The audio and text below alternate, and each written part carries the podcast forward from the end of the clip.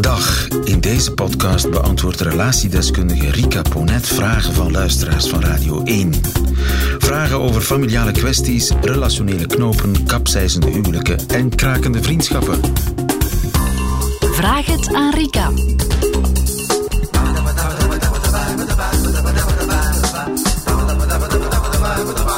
Zal ik een brief voorlezen? Ja. Een brief van Paula. Paula schrijft: Onze dochter van 16 brengt veel tijd door met gamen op platforms waar je met andere gamers kan spelen. En met het verzenden van berichtjes op het medium Discord, een soort internationale WhatsApp. Discord. Ja, Nog nooit van gehoord. dat is eh, Ah, populair bij gamers. ja. Oké. Via deze kanalen is ze in contact gekomen met een Poolse jongen. Hij zou 17 zijn. Waarmee ze reeds sinds ruim een jaar een lange afstandsrelatie heeft. Ze beschouwen elkaar echt als een koppel, sturen dagelijks berichtjes en soms foto's naar elkaar, net als verliefde tieners dat doen. Onze dochter heeft gevraagd of de jongen tijdens een vakantie naar ons toe mag komen. En ik weet niet zo goed hoe ik daarop moet reageren. We kennen niets van die jongen, nog van zijn achtergrond. Onze dochter heeft nog nooit een relatie gehad met een jongen van hier. Buiten een aantal Sweet 16 feestjes bij vriendinnen thuis en binnenkort een eerste vijf heeft ze nog niet echt geproefd van het uitgaansleven hier. Ze is van nature eerder introvert en heeft niet altijd de behoefte om sociale interactie aan te gaan. Maar ze is dan weer op een heel natuurlijke manier extravert in een groep waarin ze zich goed voelt. Bijvoorbeeld bij neven en nichten, of wanneer ze bij haar vriendinnen is, zie ik haar genieten. Is ze zelfzeker en bloeit ze zelfs helemaal open.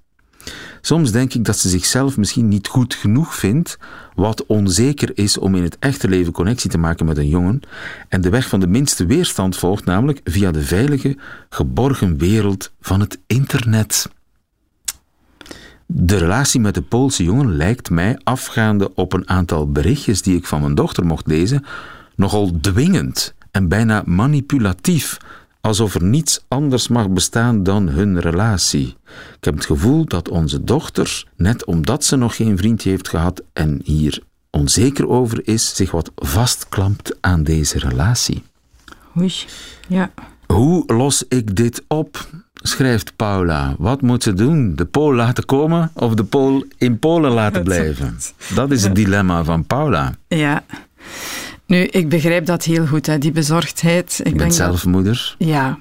Ik denk, mocht een van mijn dochters... Ja, 16 jaar, ik weet niet hoe oud zijn Nee, ze zijn veertien, Ja. dus eh, ik, eh, ja, ik denk dat ik nog enig respect heb.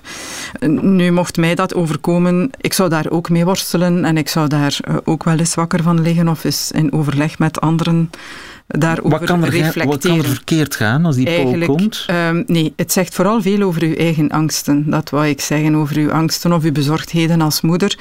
En vooral ook over de verwachtingen die je hebt naar je kind toe. En dat merk ik ook in het verhaal van Paula. Ehm, ja, zij wil eigenlijk dat haar dochter zich op een bepaalde manier ontplooit in die tienerjaren. Hè. Zeker nu nog geen vaste relatiekeuze maakt of partnerkeuze maakt, uitgaat met vriendinnen. Ehm, en dat zijn, ja, dat zijn valabele eh, redenen om te hopen dat uw kind zich op 16 nog niet vast klampt of verbindt met iemand. Maar ook ja, liefdesrelaties op die leeftijd zijn een manier om zichzelf te ontplooien. En het feit dat zij dat online doet, dat zij ook een gamer is, dat zegt ook iets over wie dat meisje is. Ehm, ergens spreekt er uit heel dat verhaal niet zoveel acceptatie richting het echte zijn van die dochter. En ze hebben inderdaad twee keuzes. Hè. Dat is ook hetgeen wat ik zou Maar wat sorry, wat bedoel je daarmee? Dus ze, ze vinden het eigenlijk helemaal niet zo leuk dat die... Dat, dat, Dat hij gamet en op die manier die jongen heeft leren kennen. Het is ook een jongen uit het buitenland. Eh, Ze moet eh, wat meer... Dat is een, een mantra vandaag. Hè. Ja, je moet eerst wat leven. eh, ga op reis, studeer. Je moet verschillende leven gehad hebben. Van het leven proeven. maar je projecteert dan je eigen verwachtingen Ja, op, op, je kind. Op je kind. Ja, het is ook een vorm van een ideaalbeeld dat niet noodzakelijk hoeft te kloppen. Ja. Ik wil ze lieven geen eten geven. De mensen die op die leeftijd een definitieve partnerkeuze hebben gemaakt en daar vandaag nog altijd bij zijn en daar zeer gelukkig in zijn. Wie zegt dat dat fout moet gaan? Wat ik niet zo goed begrijp is, wat kan er verkeerd lopen als die jongen komt? Dan is dat is toch beter? Dat is toch inderdaad toch veel interessanter dat je precies weet wat voor vlees dat je in de kuip hebt? Ook voor hen, hè, want um, zo'n internetcontact, als je daar een jaar mee bezig bent, ik merk dat ook bij volwassenen, hè, dat zijn heel intense contacten. Dat is een soort van bubbel waarin je zit met z'n tweeën, bijna een folie à deux die je beleeft. Er zit veel projectie in zo'n contact, hè, want je bent altijd een beetje je ideale zelf. Hè. Je kan daar vooral jezelf tonen zoals je jezelf wil tonen.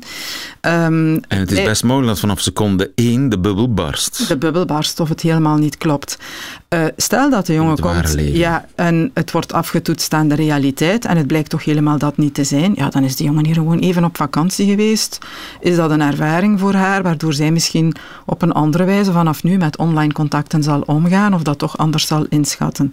Stel dat het wel een hele leuke jongen is, misschien vinden die ouders dat dan ook een leuke jongen, ja, dan zien we wel weer. Ze zijn 16 jaar, het zal dan toch verder vanuit de realiteit moeten blijken of dit werkt of niet. Dat, um, dus um, wat ik ook merk, of heel vaak merk, um, er is een enorm risico bij het. Ze zouden het nu volledig kunnen afblokken. Nee, hij mag niet komen. Hè. Dat, dat kan je doen als ouder van kinderen van 16 jaar. Hè. Je hebt het, de macht, het vermogen om zoiets te verbieden.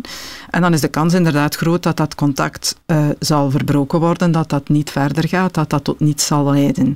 Maar in mijn ervaring, ik zie vaak volwassenen uh, bij wie dat, dat ooit in de jeugd gebeurd is. Hè, ouders verboden hebben om een liefdesrelatie op die leeftijd om die um, te beleven, hè, om die vorm te geven, om daarmee verder te doen.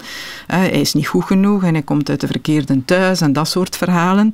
Um, en dan zie je dat, dat uh, als dat onder druk van buitenaf geëindigd wordt, dat men dat eigenlijk als een soort van ideaalbeeld blijft meenemen in het verdere leven. En je bewijst je kinderen daar echt geen dienst mee. Want waar zorgt dat voor? Dat wordt een soort van ideeel, niet reëel iets, waaraan elke volgende relatie wordt afgetoetst. En de first cut is the deepest, zeg ik al eens. Dat wil zeggen, als dat dan toch geen echt realiteitsgehalte gehad heeft, wordt dat bijna een sprookje, die eerste relatie. En dan is elke daaropvolgende relatie iets wat ook ontgoocheling met zich meebrengt en wat ook vaak in de weg zit van een volwaardig engagement. Dus dan ga je daar altijd opnieuw naar terug van, had ik met hem uh, verder gedaan, dan had ik dit niet meegemaakt. Of dan was het wel gelukt kinderen krijgen. Of dan had ik een ander leven gehad. Of dan was ik gelukkiger geweest. Um, dat is ook het verhaal van mensen die dan na een scheiding vandaag via Facebook of zo die eerste liefde terug gaan ja, opzoeken. Ja, de kracht van de eerste liefde. Hè? Er wordt altijd gezegd, kalverliefde stelt niks voor, maar het kan, een leven lang nazinderen. Absoluut.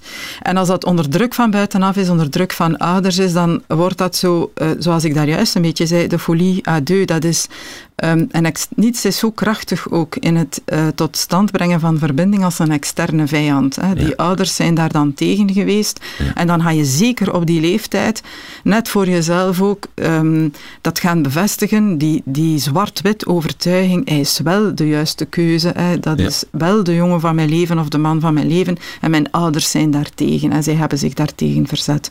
Dus denk twee keer na voor je zo naar je kinderen toe uh, ja. eist of afblokt dat ze met iemand verder doen. Uh, de realiteit, je hebt daar wat vertrouwen in. Ik denk dat dat superbelangrijk is. Dus dat je naar je kind toe altijd opnieuw weer toch een soort van vertrouwen installeert. Weet je, jij kiest daar nu voor, jij voelt je daar goed bij. We zien wel, ik heb er vertrouwen in dat je uiteindelijk ook voor jezelf ja. de best mogelijke ja. keuze zal maken. En wie dus... weet, als hij voor de deur staat, blijkt het een 35-jarige truckchauffeur te zijn. En dan... Of toch een fantastische Poolse jongen van 17 jaar die ze ook in de armen sluiten. Kan ook al even, ja. Kan gebeuren, hou ons op de hoogte, Paula.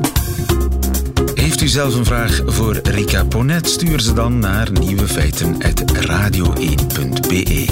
En wie weet hoort u het antwoord in een volgende podcast. Namen worden sowieso veranderd.